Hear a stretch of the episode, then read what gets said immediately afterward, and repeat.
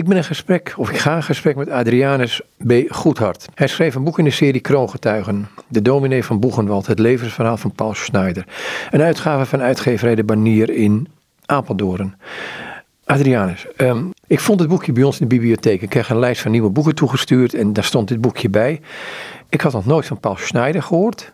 En als ik jouw voorwoord, het voorwoord erin lees, dan denk ik van ja, ik ben op het spoor gezet van de beste man. Eh, hoe ging die ontdekkingstocht voor jou?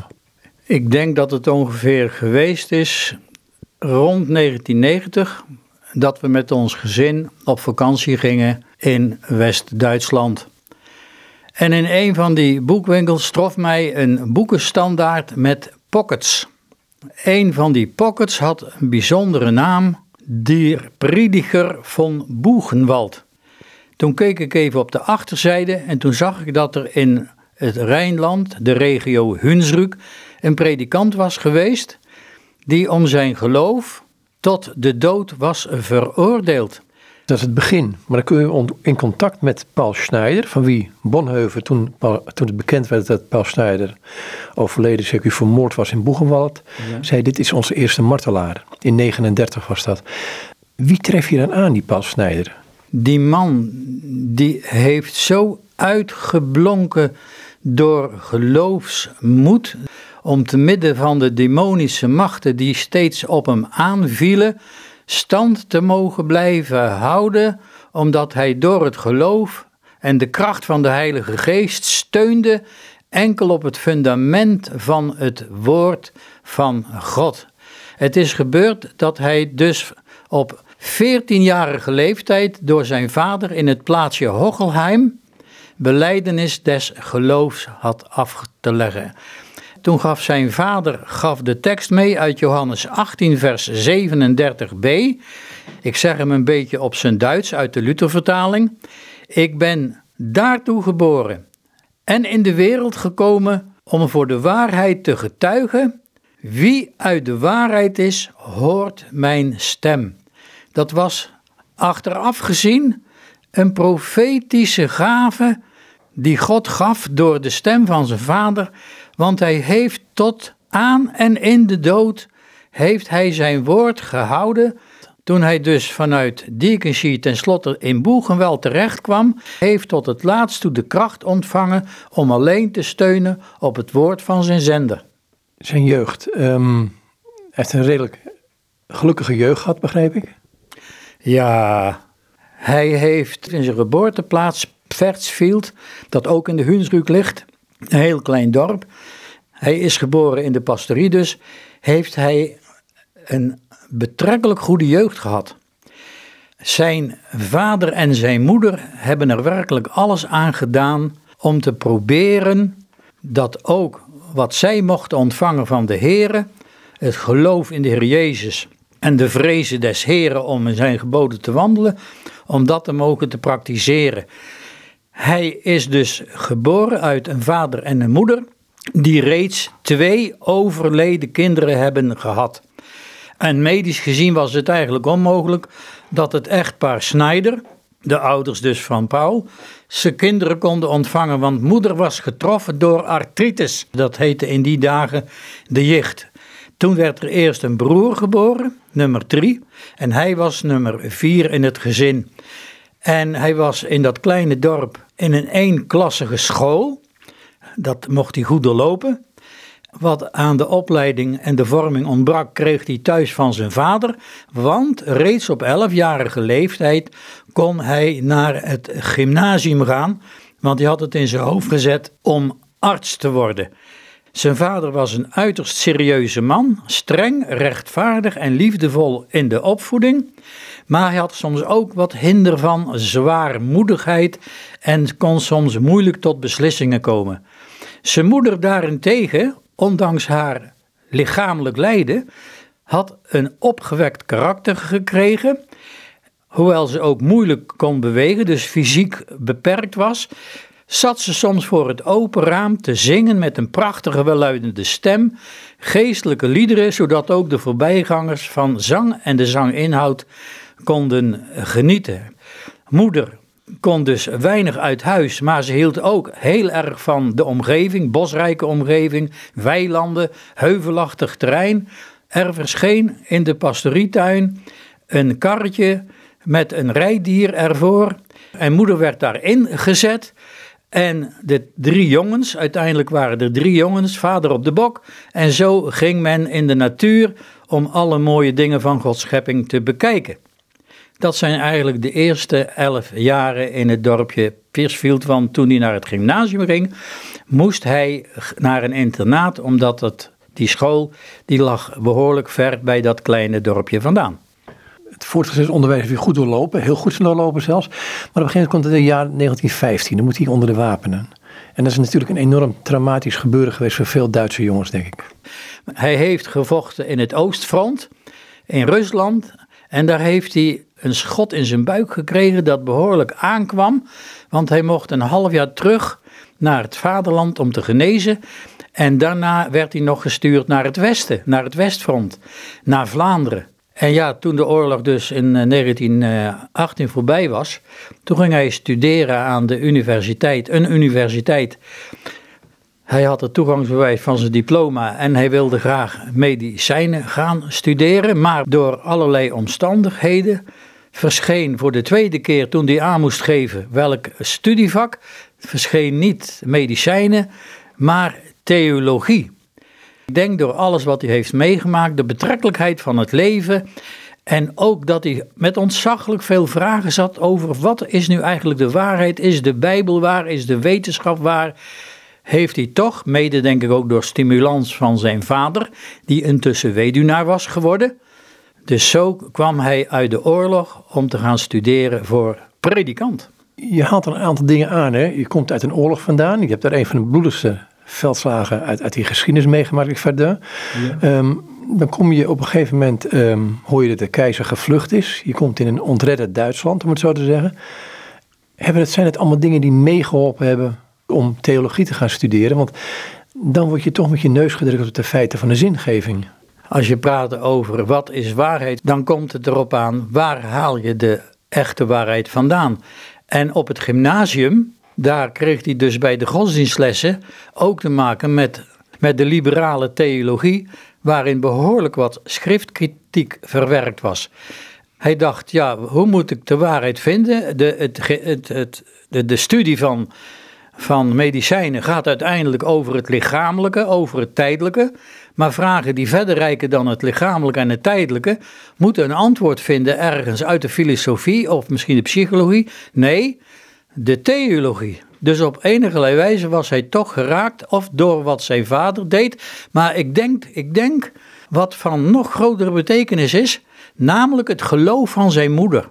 Het geloof van zijn moeder in al de zorgen die ze lichamelijk had, in het beperkt zijn ook om kinderen te begeleiden, om in het vast te mogen houden aan het woord van God.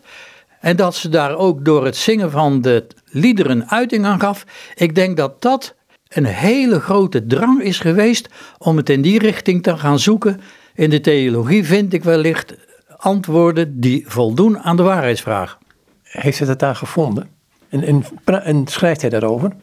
Hij schrijft daar in zijn dagboeken heel vaak over die twijfel die hij heeft. Doe ik er wel goed aan om deze studie te volgen? Ben ik eigenlijk wel iemand die daar geschikt voor is? Ja, hij had ook wel hinder van zwaarmoedige gedachten en van gedachten ik red het niet. Maar door de verborgen werking van Gods goede voorzienigheid en de kracht van de geest is hij het vol blijven houden tot het einde toe om deze studie te doen. Het is gebeurd. Ik meen, dan heeft hij in het jaar dat hij bevestigd werd als predikant van Hochelheim, heeft hij vrede voor zijn ziel mogen vinden in het bloed van Christus door de bestudering van Psalm 130. En dat is toch een psalm die heel vaak ook in de geschiedenis van Gods kerk een betekenis heeft gehad. In de eerste plaats om te leren wie een mens van nature is, geboren met een boos hart. Hij wordt daar onrustig door gemaakt door de kracht van de geest. Hij moet verlost worden van zijn schuld en zonde voor God, omdat hij in het paradijs goed geschapen is. En dan leest hij ook over de verlossing in Christus. En dan eindigt hij in de dankbaarheid dat hij gevonden is door die drie enige God, wiens woord hij nu mag gaan verkondigen.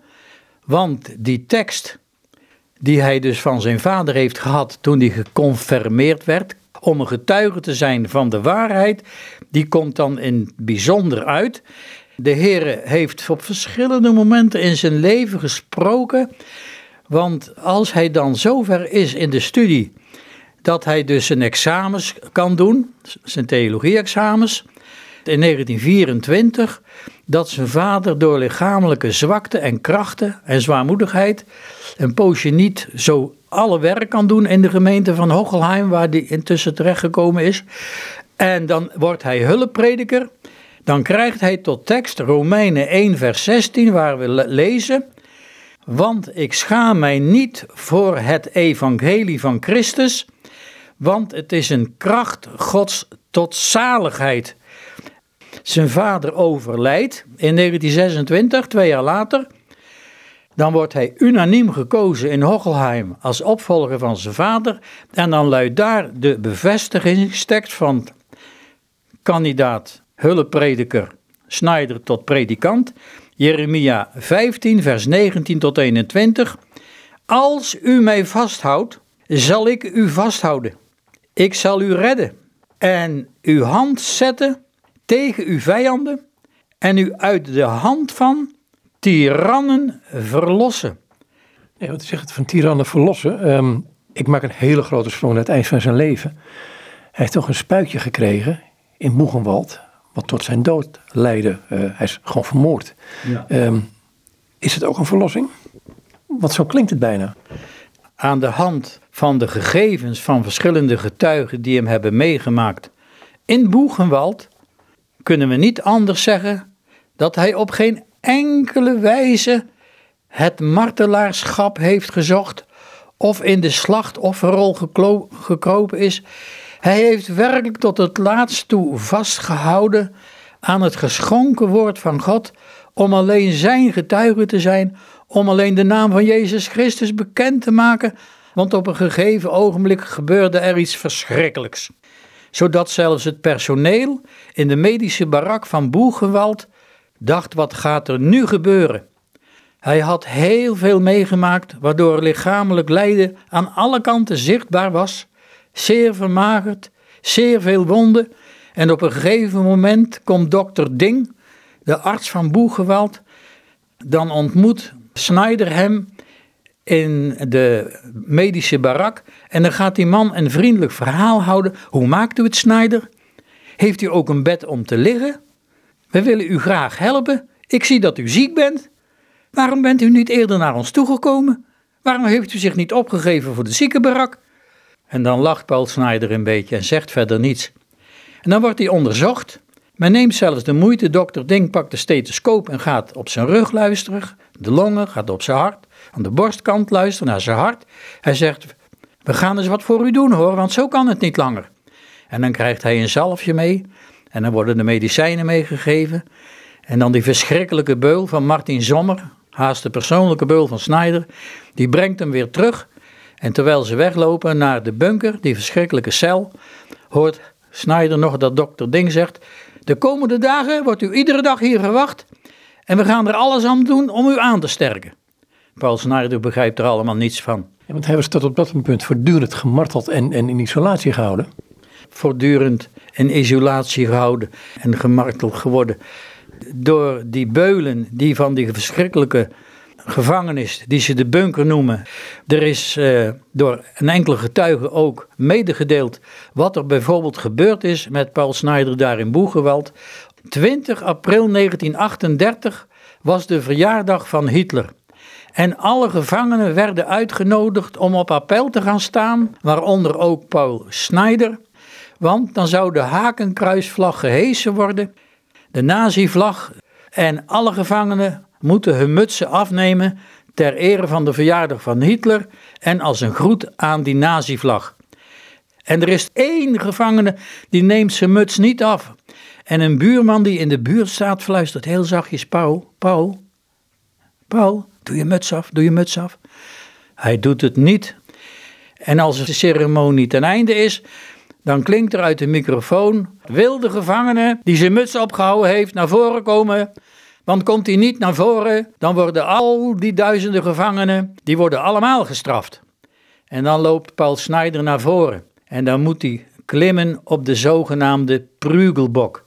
Die staat op een kleine verhoging vooraan bij de bunkers, bij de gevangencellen, bij de poort. Waarop staat Jedum das zijne, een gruwelijke camouflage, ieder het zijne. En dat betekende in boeggeweld, ieder het zijne om gemarteld en gepijnigd te worden. Dan mag hij zijn broek aanhouden, zijn hemd wordt afgepakt. Dan moet hij gaan liggen met zijn buik op die bok. En dan staan er soms twee, soms drie beulen met ieder een knuppel in de hand. En dan krijgt iedere gevangene die dit verschrikkelijke moet ondergaan 25 stokslagen.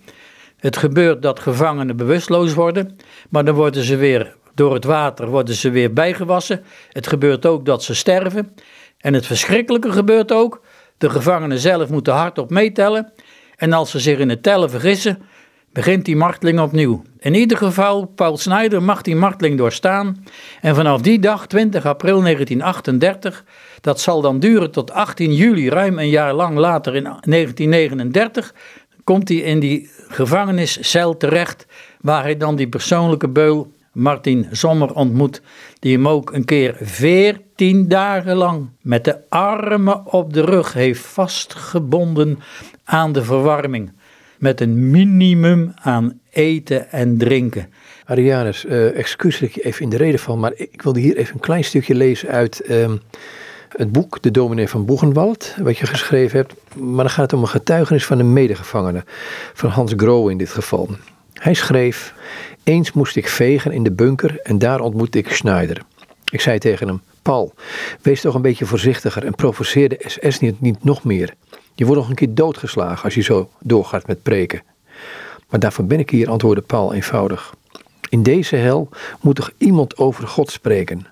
Anders bestaat er geen hoop. Ik moet deze arme mensen zeggen dat God hen lief heeft en hen door zijn zoon wil verlossen. Ik moet het kwaad waarvan ik getuige ben bij de naam noemen en aan de SS duidelijk maken dat zij het oordeel van God niet zullen ontlopen. Hier in het kamp ben ik Gods boodschapper. Als ik niet meer protesteer, ben ik medeschuldig aan de misdaden.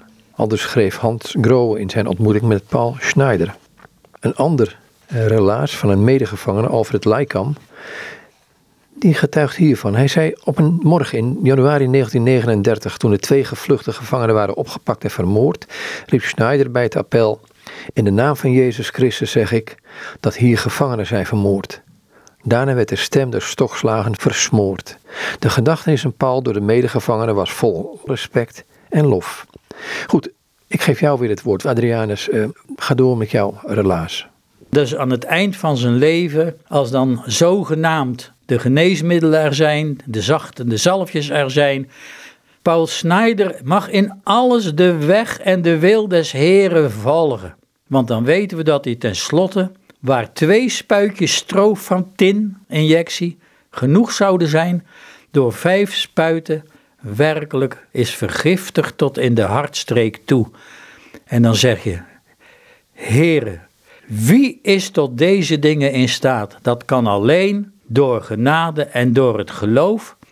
Want uw kind en knecht en dienaar Paul Snijder heeft tot het laatst niet anders gedaan door met alle lek en gebrek te volgen. Ik zal van de waarheid getuige zijn en ik schaam mij het evangelie van Jezus Christus niet. En nu mag hij eeuwig juichen voor de troon van God met al de gezaligden. Is dat niet om jaloers op te worden? Dat is verlost van tirannen.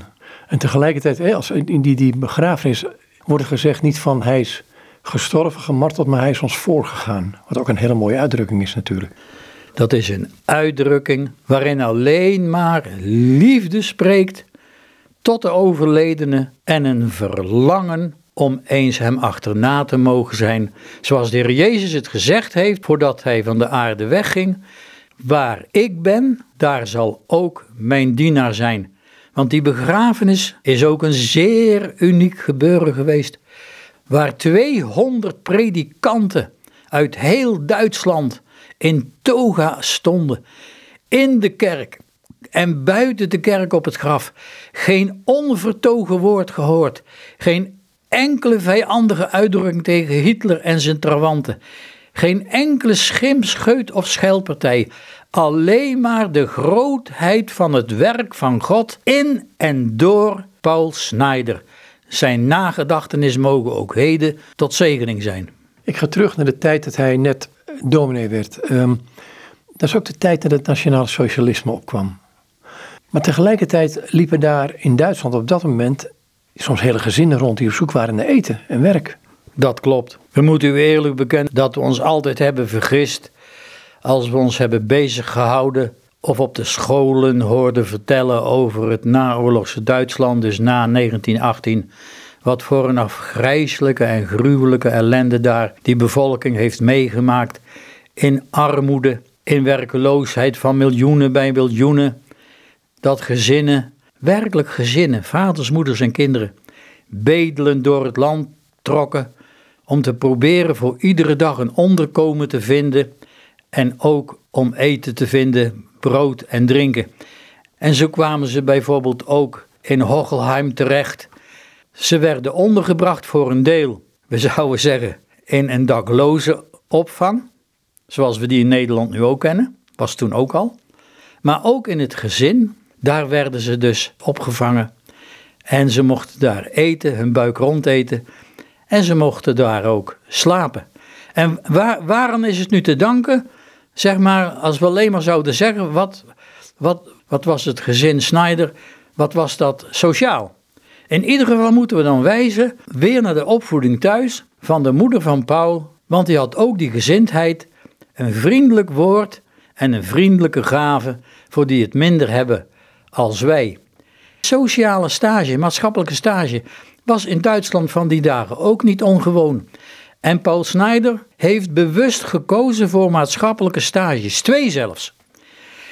De eerste keer is hij gegaan naar een plaats waar een hoogoven was. Daar woonde een oom en hij kon daar een prachtig betaald baantje krijgen.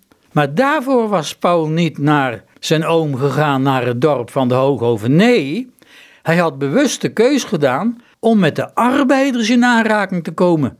Want dat trof hem. En dat deed hij, tussen twee haakjes, toen hij studeerde. Daardoor duurde zijn studie theologie ook wat langer dan normaal. Maar in ieder geval, toen is hij gegaan in een tehuis, een groot huis met appartementen. En daar kreeg hij tussen de arbeiders ook een plekje. Hij wilde ook hun zware lichamelijke arbeid meemaken. Maar vooral wilde hij de vraag beantwoord zien: waarom gaan deze mensen niet naar de kerk? Waarom zijn ze los geworden van het evangelie? Want het bleek dat altaar en troon, de Duitse kerk en het Duitse keizerrijk zich hadden weinig gelegen laten liggen aan het begeleiden van de arbeider om hun uit hun sociale nood te halen.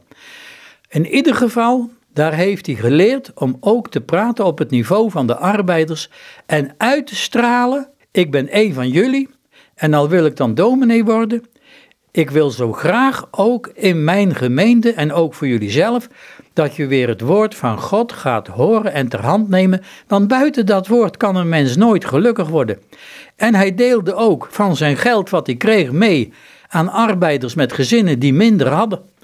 Op een gegeven moment is zijn stage daar afgelopen en gaat hij op uitnodiging van dominee Schnepel naar Berlijn om hem bij zijn zendingsarbeid daar te komen helpen.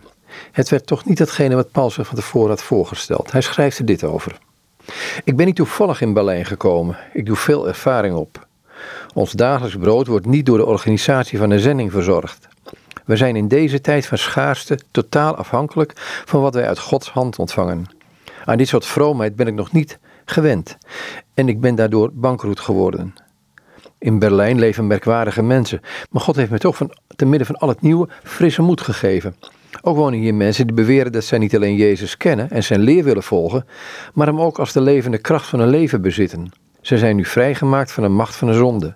Die heeft nu geen invloed meer op hen. Echter, zij beweren dat niet alleen, maar maken ook de indruk dat zij hun leven geheel en al aan Jezus hebben gegeven.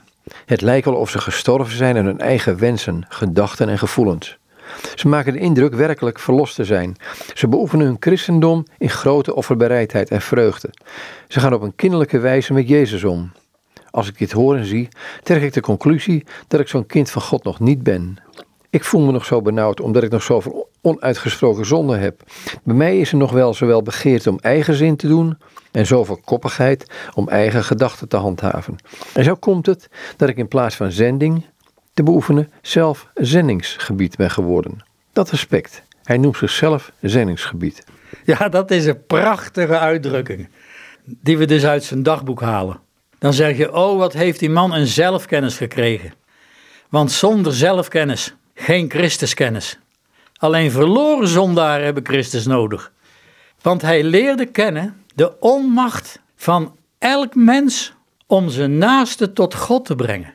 Welk middel, welk instrument, welke kracht, welke creatie moet ik gebruiken om een naaste voor Gods woord en voor de zaligmaker te winnen? Hij kwam steeds meer in aanraking met zijn eigen onmogelijkheden en dat is dan ook weer zo'n scherp voorbeeld dat hij tegen zichzelf zei: Ja, wat, wat, moet ik dominee worden? Ik ervaar dat ik het helemaal niet kan. En wil ik het ook eigenlijk wel. Maar door die golven van twijfel heeft de Heer zijn kind toch gemaakt tot een knecht die nu juicht voor Gods troon. Ik ga naar het jaar 19, hij is inmiddels getrouwd, hebben kinderen. Ik ga naar het jaar 1933, dan komt Hitler aan de macht. En dan begint in wezen voor hem het, het, het conflict zich steeds meer toe te spitsen. Je hebt die gelijkschakeling. Ehm, er is een, een, theologie zich aan het ontwikkelen die zeggen: oké, we moeten eigenlijk het Jodendom uit het Oude Testament zien te bannen, et cetera, et cetera. Hoe gaat dit daarmee om? Want daar, daar ga je de Paul Snijder kennen, zoals in het boekje naar voren komt. De man die en een Gods woord vasthoudt en tegelijkertijd zijn mond open durft te doen. In een zekere zin was hij ook uitdagend. Ja, ook hierin moeten we zeggen dat Keulen en Aken, om dat bekende spreekwoord te gebruiken, Keulen en Aken die zijn ook niet op één dag geboren. En die geweldige geestdrift van het volk, dat laaiend enthousiasme dat in heel veel lagen van de Duitse bevolking, heel veel kringen, van eenvoudige tot intellectuele, van arme tot rijke plaatsgreep, toen dus Hitler gekozen was en hij ook rijkskanselier was geworden, daar moeten we een religieuze betekenis aan gaan hechten.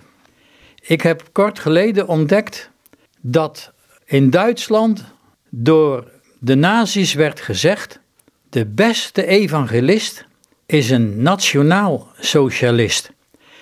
Hitler werd door sommigen zo vereerd dat ze hem ik zou bijna zeggen vergoddelijkten, want ze noemden hem de nieuwe Messias, die in iedereen weer zou helpen aan brood en aan werk. En dan zeg je, ja, waar, waar ontmoet dominee Snyder voor het eerst die bijzondere nieuwe politiek van die nieuwe orde, van het nieuwe rijk? Duitsland moet groot worden, Duitsland moet de wereld veroveren. Heute gehört ons Duitsland und morgen die ganze Welt. Dat lied dat werd overal in Duitsland gezongen. Hitler had hen bevrijd van de smaad van Versailles. En het kan niet anders of je moet die man wel steunen.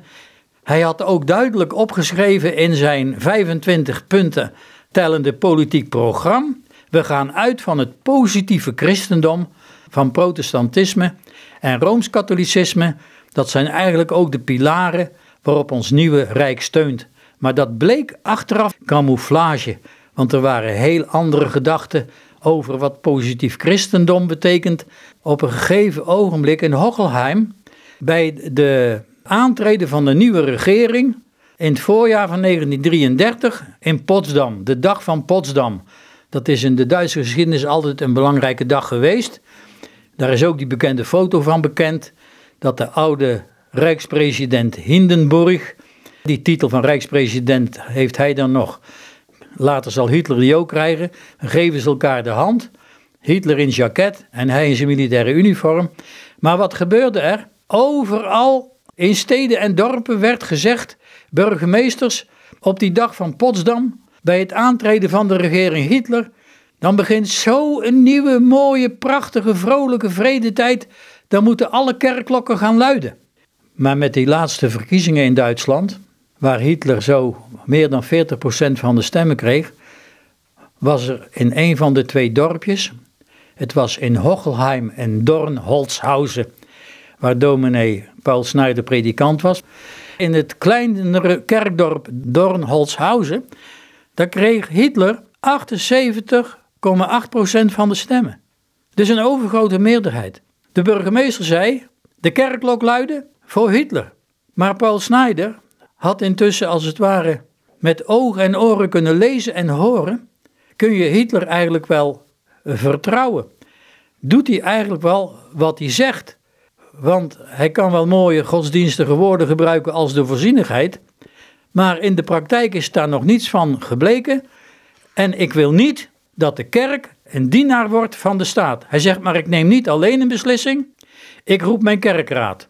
De hele kerkraad van Dornholzhausen en Hochelheim, die zei, dominee, Snijder, u staat alleen, want wij allemaal willen wel dat de kerkklokken luiden. En toen is het eigenlijk al een beetje begonnen dat er wantrouwen werd gewerkt bij de partijfunctionarissen van de NSDAP, dus van de Hitlerpartij. En dat heeft hij ook een keer geuit, want in die dagen was ook dat gruwelijke aan de orde van de Duitse christen. Dat waren vrienden in de protestantse kerk, de Evangelie Lutherse kerk en in andere protestantse kerken. Die zeiden in de kerk moet ook gebeuren wat in de staat gebeurt. En ik meen dat er straks het woord gelijkschakeling is begonnen. Nou, dat woord moeten we niet vergeten. In de politiek, in de wereld een vurer, ook in de kerk een vurer. Het tweede is in de wereld een Ariër-verklaring, dat je dus geen Jood bent, of wel Jood bent. En in de kerk ook een Ariër-verklaring. En de Bijbel, het Oude Testament, weet je hoe die Duitse christenen, dus protestantse vrienden van Hitler, die zeiden, niet allen, maar velen zeiden, het hele Oude Testament is samengesteld door Joden. En weet je wie dat zijn? Dat zijn een stel veehouders en een stel pooiers. We beginnen pas met het Nieuwe Testament bij de profeten. Die, die geluiden, die hoorde Paul Snyder en die las. En bij de Ariëverklaring had hij erbij gezegd in de gemeente: Gemeente, wilt u niet vergeten dat Adam en Eva de eerste Joden waren. Daar kwamen we vandaan. Toen begon langzamerhand steeds meer en steeds duidelijker het scherper het beeld van het godenvijandige, antichristelijke karakter van de nazileer naar voren te komen. In Hochleim begon het conflict. Tegelijkertijd werd er een, uh, dat was de these van Barmen, dacht ik uit mijn hoofd, uh, werd die bekennende kerk, uh, bekennende kirchje zoals het heet, opge, opgericht. Ehm, daar ehm, voelde hij zich toe aangetrokken. Daar voelde hij zich heel erg door aangetrokken. Want die bekennende kirchje met die Barmer-these, met die zes artikelen, waarvan het eerste artikel luidt dat de Heer Jezus Christus de enige Godmens is en de enige weg tot de zaligheid, en dat alles wat tegen zijn leer strijdt, geen dageraad en gezag mag hebben. In de kerk, in de protestantse kerk, hoort alleen het woord van God, waarvan Jezus Christus het centrum is, centraal te staan. Dat werd een beweging die als een olievlek zich in grote delen van Duitsland zich uitbreidde. En ook in het Rijland kwam er een broederraad dat waren dus predikanten die eens geestes waren en zich niet met de theologie en de praktijk van de Duitse christen bezig gingen houden. En het broederraad, ja, dat is eigenlijk het begin geworden. Dat was dus streeksgebonden van de landelijke bekennende kirche, waar dominee Martin Niemüller en andere predikanten ook lid van geworden zijn om elkaar te steunen tegen die heidense nazistische ideologie. Ik ga toch naar, naar Paul Snijder toe. Ehm, hij kwam in conflict, hij werd op een gegeven moment gevangen genomen. Wat waren nou de, de kernwaarden van het conflict? Want het begon in wezen met het avondmaal. Dat begon in Hochelheim. Daar had je dus een traditie dat rond de kerst ook door veel jeugdigen, die anders bijna niet in de kerk kwamen, met ook volwassenen, dat die aan het avondmaal deel zouden nemen. En dat gebeurde dan in de sacristie van de kerk. Dat was de ruimte in het kerkgebouw achter de kansel. Voor de kansel dus de banken en de zitplaatsen. En achter de kansel een ruimte om ook het avondmaal te ontvangen. En dan had je dus in de kerk een bepaalde groepsvorming. En dat begon Paul Snyder steeds meer te irriteren. En daar schaamde hij zich voor, kreeg hij ook schuldgevoel over. Men gedroeg zich vlak voor de komst van het heilig avondmaal alsof het een wereldse bezigheid was. Er durfden zelfs mensen aan het avondmaal te komen, het was dus een lopend avondmaal, durfden aan het avondmaal te komen, die gewoon nog in openlijke ruzie leefden met hun buren. Hij kon dat op een gegeven moment voor Gods aangezicht niet meer goedkeuren.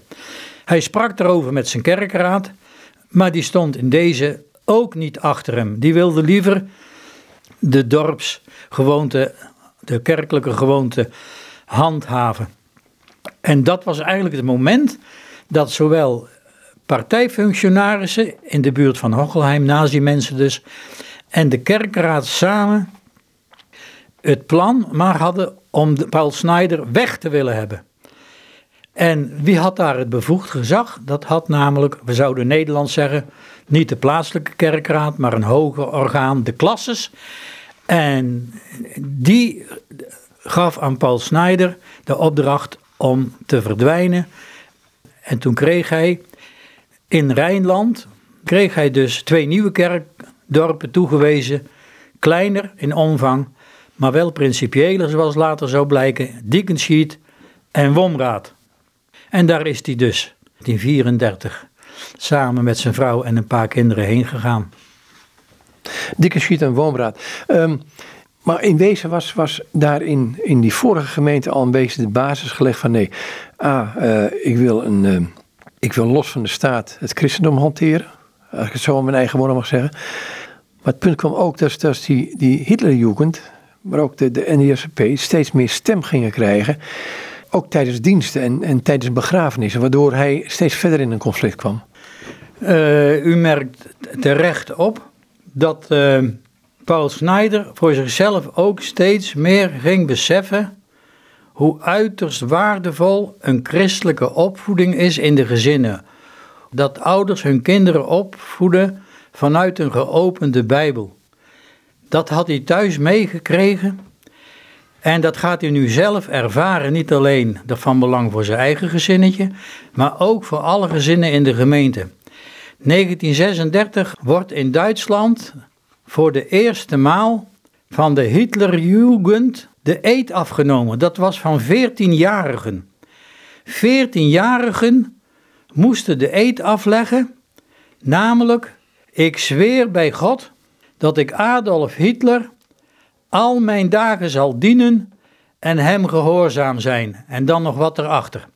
Ik heb hier voor me een afdruk van een oerkonde van een jongen van de Hitlerjeugd zijn naam is Detlef Schacht, die op 20 april 1940 op de verjaardag van de Führer in de Hitlerjugend is opgenomen.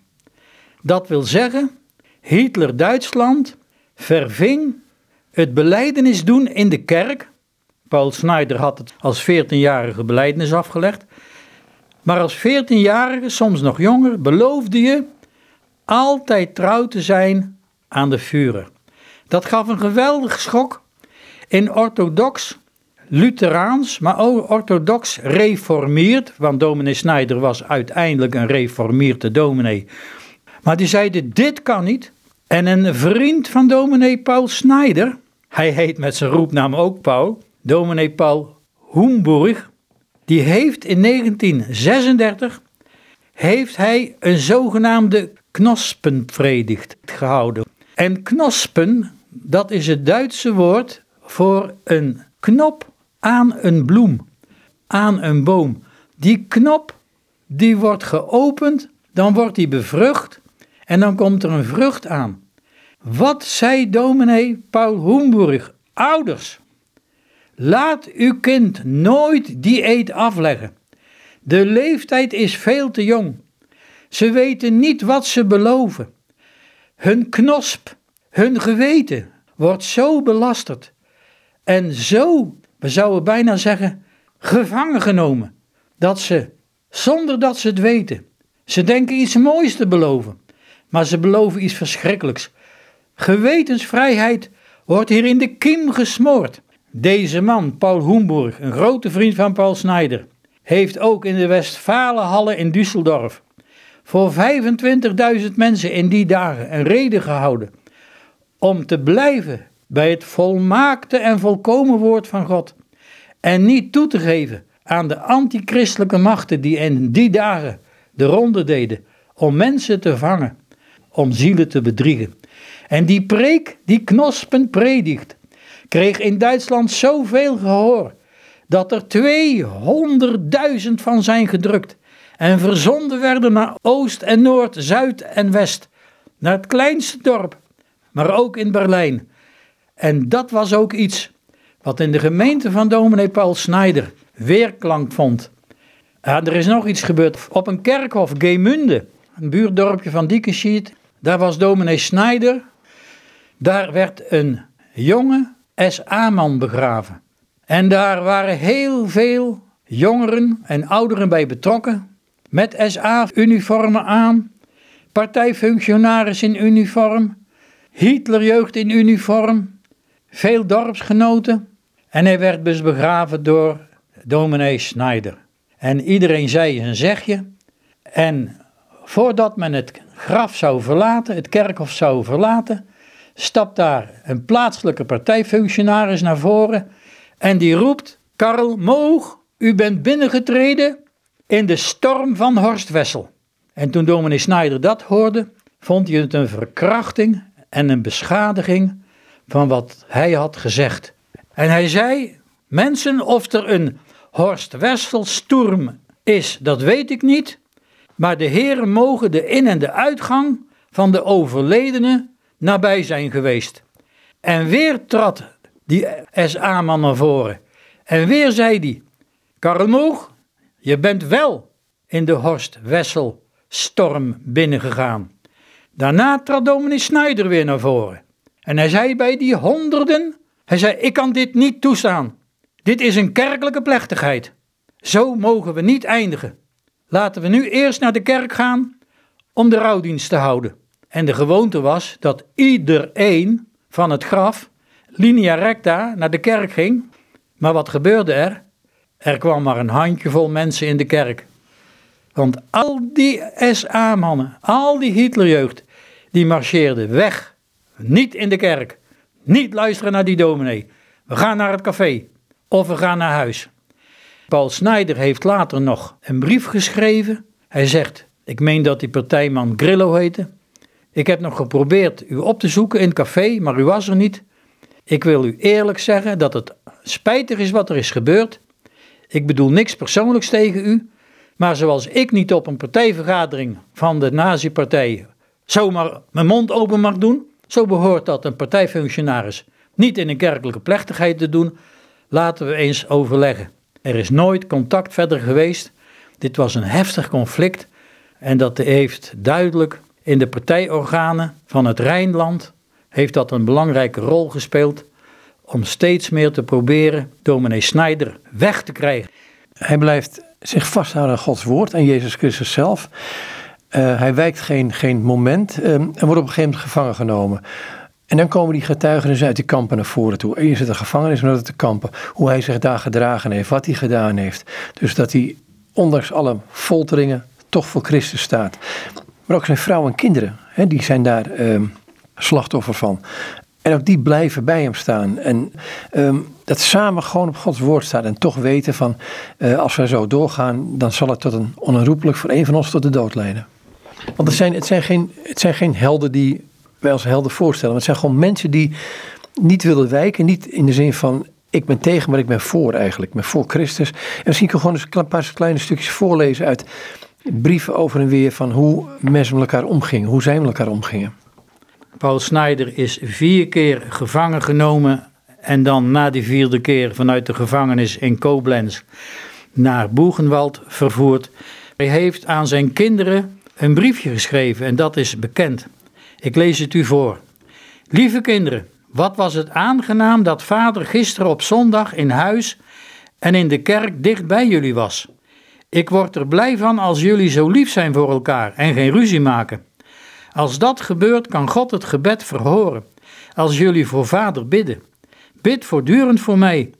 Ik weet dat God jullie hoort en dat jullie kindergebeden ook meebouwen aan de stevige muur die om ons is. Nu kan jullie vader geen haar worden gekrenkt, zonder Gods wil. Bid steeds dat God het in zijn macht en genade mogen goedkeuren, om jullie liefhebbende vader weer in Diekesie terug te brengen. Ja, dat wij allemaal in ons dorp mogen blijven. En als wij dan een poosje moeten wachten op de vervulling van ons gebed, dan moeten we niet in verwarring raken, alsof God doof is. Het spreekwoord zegt: Helpt God niet op onze tijd, toch redt hij als het nodig is. Voorlopig ben ik nog bij jullie in de buurt. Misschien geeft God de overheid in het hart dat ze vader vrijlaten.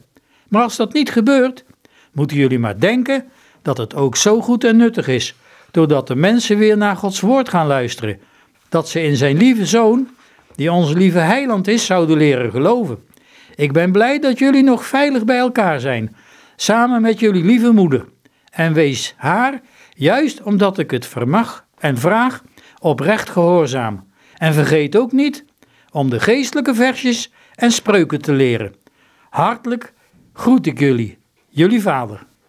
Dit is dus duidelijk een teken van de grote verbondenheid die er is tussen Paul Snyder en zijn gezin. Zoals je zegt, die verbondenheid is er. Kun je nog een stukje lezen uit een andere brief van Paul Schneider? Want hij blijft in zijn brieven toch heel positief. Ik lees het u voor. Ik verblijd mij in Gods woord en in geestelijke liederen. Dagelijks maak ik mijn cel schoon en ik loop smiddags een half uur op de binnenplaats van de gevangenis. Hoe kan ik ook geestelijke schatten verzamelen voor een nieuwe dienst? En zo is de tijd voor mij niet te vergeefs. De Heer mogen ons allen en de gemeente een geest van boete en bekering schenken. Misschien zal door Gods goedheid mijn gewonde been ervoor zorgen. Via een ongeluk op de openbare weg in de mist had hij een botsing gekregen toen hij op een pastoraal bezoek was geweest en naar huis ging. En botste hij op een wagen die getrokken werd door paarden, maar op die wagen lagen lange boomstammen. En de uiteinden van die boomstammen, daar kwam hij tegenaan vanwege die dichte mist. En toen is hij in het ziekenhuis geweest enzovoorts. Hij was amper iets genezen of hij werd gearresteerd. En dat noemden ze toen Schutzhaft. Misschien kan die Schutzhaft dat was een vreselijk gemeen juridisch middel van de nazi's. Iemand kan zomaar opgepakt worden. En dan zeiden ze tegen hem: Ja, we moeten u beschermen hoor. We moeten u beschermen. We nemen u in gevangenschap, want anders weten we niet wat andere Duitsers met u willen. Helaas is het bot slecht genezen en dat was ook zo. Hij knikte met zijn ene been. Scheenbeen en kuitbeen deden hem soms heel veel pijn. Ook hindert het mij bij het lopen. Vandaag is het alweer de zesde zondag dat ik hier ben en aan de kerkdienst niet kan deelnemen. En toch, gemeente, vrouwen en kinderen, ben ik niet zonder kerkdienst. Het is merkwaardig dat de ziel hier veel meer honger heeft naar Gods woord en dat dit veel dieper in de ziel dringt. Een aardige medegevangene van mij, schrik niet, een SS'er, heeft mij enkele bloemen gegeven uit het boeket dat zijn verloofde hem sturen. Van een stuk karton heb ik een kruis gemaakt. Mijn cel en tafel heb ik extra gereinigd en op de tafel een schone zakdoek gelegd. Op die manier heb ik vanmorgen kerkdienst gehouden en mij met de gelovige thuisgemeente verbonden. Ja, vanmorgen was voor mij het evangelie van het zelf uitspruitende zaad uit Marcus 4. En dat was mij tot grote troost. Tot zover dit stukje. Maar ik wil u ook nog wat voorlezen uit Boegenwald. Hij heeft namelijk in Boegewald maar een enkele brief kunnen schrijven. Ik lees u zijn laatste brief voor uit Boegenwald aan zijn vrouw. Daar schrijft hij: Dankzij God heb ik nu de eerste week achter mij, of de tweede week, en ik kan je meedelen dat ik nog gezond en opgewekt ben. Geld dat niet zo was. Dat deed hij alleen maar om de thuisblijvers en de gemeente gerust te stellen. Bijna alle brieven uit Boegenwald hebben die twee woorden: gezond bin ich und munter. Maar als hij dan in die bunker zit, dan schrijft hij dat niet. En de laatste brief luidt als volgt. Mijn lieve Gretel, eergisteren kreeg ik jullie lieve brief uit Obersdorf met de groeten van Sophie en Marielle, zijn vrienden, en de vier kinderen. Ik dank je hartelijk voor die brief en allerlei groeten.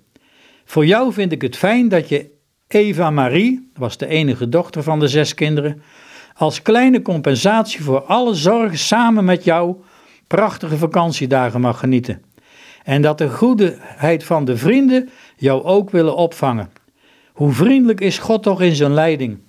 En ons dochtertje kan al maar mee de bergen in. Als dan de lieve moeder nieuwe krachten krijgt, dan kan wellicht een kleine berg beklommen worden. Hopelijk hebben jullie goed weer. Hoe mooi was het, 13 jaar geleden liefste, want 13 jaar is hij dan getrouwd op 3 juli 1939, terwijl hij exact 15 dagen later wordt eh, vermoord. Het briefje eindigt, dat laatste briefje aan zijn geliefde Gretel. God geven dat ook wij nog eens met elkaar op vakantie kunnen naar het zuiden. De vele bezoeken zijn je tot steun en helpen je ook om de tijd gemakkelijk door te komen. Groet de ouders van Leo, dat is de hulpprediker in zijn gemeente, en hemzelf. En ook aan mijn broeders in de bediening. Daar denk ik aan met goed vertrouwen. Hartelijk groet ik jullie. Hoe vliegen, ondanks het verdriet, de weken en de maanden voorbij? Mochten we nu ook leren en rijpen door wat ons wordt opgelegd en overwinnen nu. Wens ik deze brief, en hij weet nog niet dat dit de laatste zal zijn, 15 dagen voor zijn overlijden, een snelle loop, net als die van jou naar mij. Groet ook je vriendelijke gastheer en wees dankbaar. Wees met ons dochtertje van ganser harte. Gode bevolen voor de vakantiedagen en voor een gelukkige thuiskomst. Ik groet je met innige liefde. Je Paul. Tot zover het laatste briefje. En gelukkig is dat allemaal bewaard. Maar je zegt ook tegen jezelf: waar, waar is, hebt, hebt hij de moed vandaan gehaald om dit vol te houden? Ik laat deze naam toch een beetje voorkomen in gedachten in de rij van Hebreeën 11. Op een gegeven moment in de bunker van Boegewald. En men wil hem maar die kleine handtekening laten zetten om te luisteren naar de overheid. En men heeft allerlei, de meest bittere manieren gebruikt om hem tot die handtekening te krijgen. Dat hij maar zou toegeven aan de staat. Op een gegeven moment zei hij ook: Moet ik nu alleen, als klein onbetekenend domineetje van de Hunsruk, moet ik alleen tegen de staatsmacht optreden? Als God het wil, dan gebeurt het. Op zekere dag komt in de bunker, die martelkamer kun je wel zeggen, daar komt een SS-officier en hij zegt: Paul Snijder, wat ben je toch een domme man? Je moet tekenen. Weet je wat er gebeurd is? We hebben zojuist bericht gekregen dat je vrouw, Margaretha, en je jongste kind is omgekomen. Ze zijn verongelukt, dodelijk. Hoe reageert Paul Snijder? Hij zegt: Het bericht van uw officier is gruwelijk, is hard. En het treft mij diep. Het treft mij heel erg diep. Ik ben er ook intens ontroerd van. Maar ik zeg u, God geeft me kracht om het te dragen. Maar ik zit veel meer in om al die moorden en al die martelingen die jullie doen, bij al die gevangenen die hier in Boegewald zitten. Dat is veel erger, dat bericht van die vele doden en moorden, martelingen en pijnigingen, dan ik moet verdragen. Ik mag op God vertrouwen. En ik teken niet. Terwijl de SS-officier met een woedend gezicht naar de cel loopt, zegt hij: Hiervoor, hiervoor zul jij met je leven boeten. En niet lang daarna kwam de gifspuit. Gek dat je dan vermoord wordt met de wetenschap die niet waar is. Dat je vrouw vermoord is, dat omgekomen is. Maar er zijn nog een andere dingen wat, wat mij enorm opvalt bij hem. Is ehm, en wat ik beangstigend vind, ook in deze wereld soms, is gewoon die gelijkschakelingsgedachte. Van we moeten allemaal één manier van denken, één manier van doen. Dat unieke dat een mens in Gods beeld geschapen is en een ander ook anders kan zijn. En dat bedoel ik in de zin van dat je een ander, dus als hij Jezus wil volgen, laat hem Jezus volgen. Daar heb je dus in wezen geen. Ehm, en er zijn natuurlijk verschillende aanvliegroutes daarvoor, er zijn zoveel over kerken, maar dat en dan niet wat hij niet deed, is niet het schurken met de overheid, met de, met de macht. Hè, wat de Duitse christenen wel gedaan hebben. Wat in meer landen gebeurd is trouwens, uh, door verschillende kerken. Dat loopt nooit goed af, hè? Nee, dat, wat een lange weg het is geweest voor Paul Snyder. Om de waarheid in Jezus Christus te mogen gaan geloven. En dat Gods woord waar is, van Genesis 1 tot Openbaring 22. Vele twijfelingen, vele onzekerheden vele gebeurtenissen waarvan hij zei: Ja, ik denk dat ik toch geen dienaar kan worden. Maar de kracht van het woord en de kracht van de geest en de inhoud van Psalm 130: Ik blijf de Heere verwachten. Mijn ziel wacht ongestoord. Ik hoop in al mijn klachten op zijn onfeilbaar woord. Dat heeft er door vrije genade mogen volhouden tot de jongste dag. En die uitstraling, die heeft hij in alle omstandigheden van gevangenis en concentratiekamp heeft hij mogen volharden. En daarin is hij ook voor vandaag een, een leesbare brief, werkelijk waar. Hij is een stad op een berg. Hij is een zoutend zout. En we mogen zeggen en vragen, heren, wilt u dat alstublieft ook vandaag de dag doen? Want hij leefde in een tijd van deconfessionalisering. Hij leefde in een tijd van dechristianisering. Weg met de confessie. Weg met de Bijbel. Alles is gelijk. Iedereen heeft wel een stukje van de waarheid. Nee, zegt Paul Snyder tegen ons, al, al is hij gestorven. Nee, mensen. Jezus Christus heeft getuigd in het Johannesevangelie. Ik ben de weg, de waarheid en het leven. En die in mij gelooft zal leven, al ware hij gestorven. Ook zo mogen zijn nagedachtenis voor vandaag tot zegen zijn. Goed, ik wil het hierbij laten. Dankjewel. Graag gedaan. Heb ik nog één kleine vraag. Ehm, in het voorgesprek toen we koffie dronken zei ik wil graag gezang 186 willen voorlezen. Als je misschien in deze uitzending alleen het laatste vers zou willen lezen als afsluiting. Terwijl het lichaam van de overledene dominee Paul Snijder vanuit de kerk van Diekenschiet werd gedragen met een enorm grote stoet van mensen waar alleen al 200 dominees in meeliepen in toga naar de begraafplaats.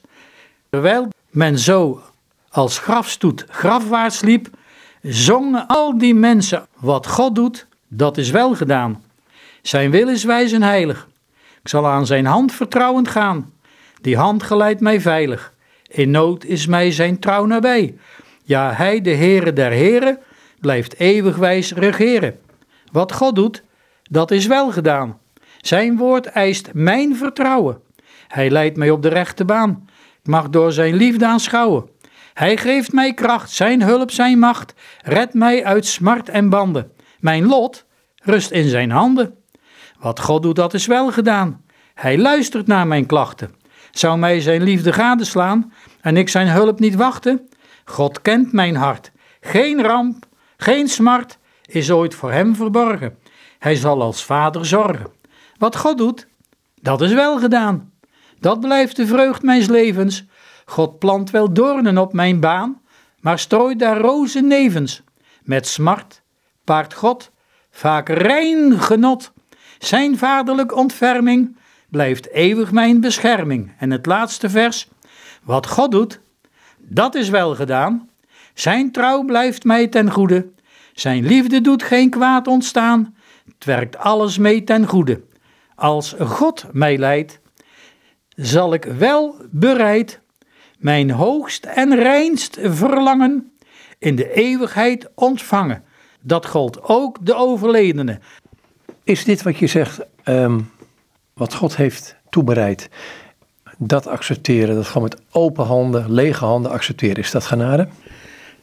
Dat is pure genade, dat is blanke genade en dat herinnert ons aan wat er gebeurd is op de berg Moria, toen vader Abraham zijn zoon Isaac moest offeren, zijn enige geborene.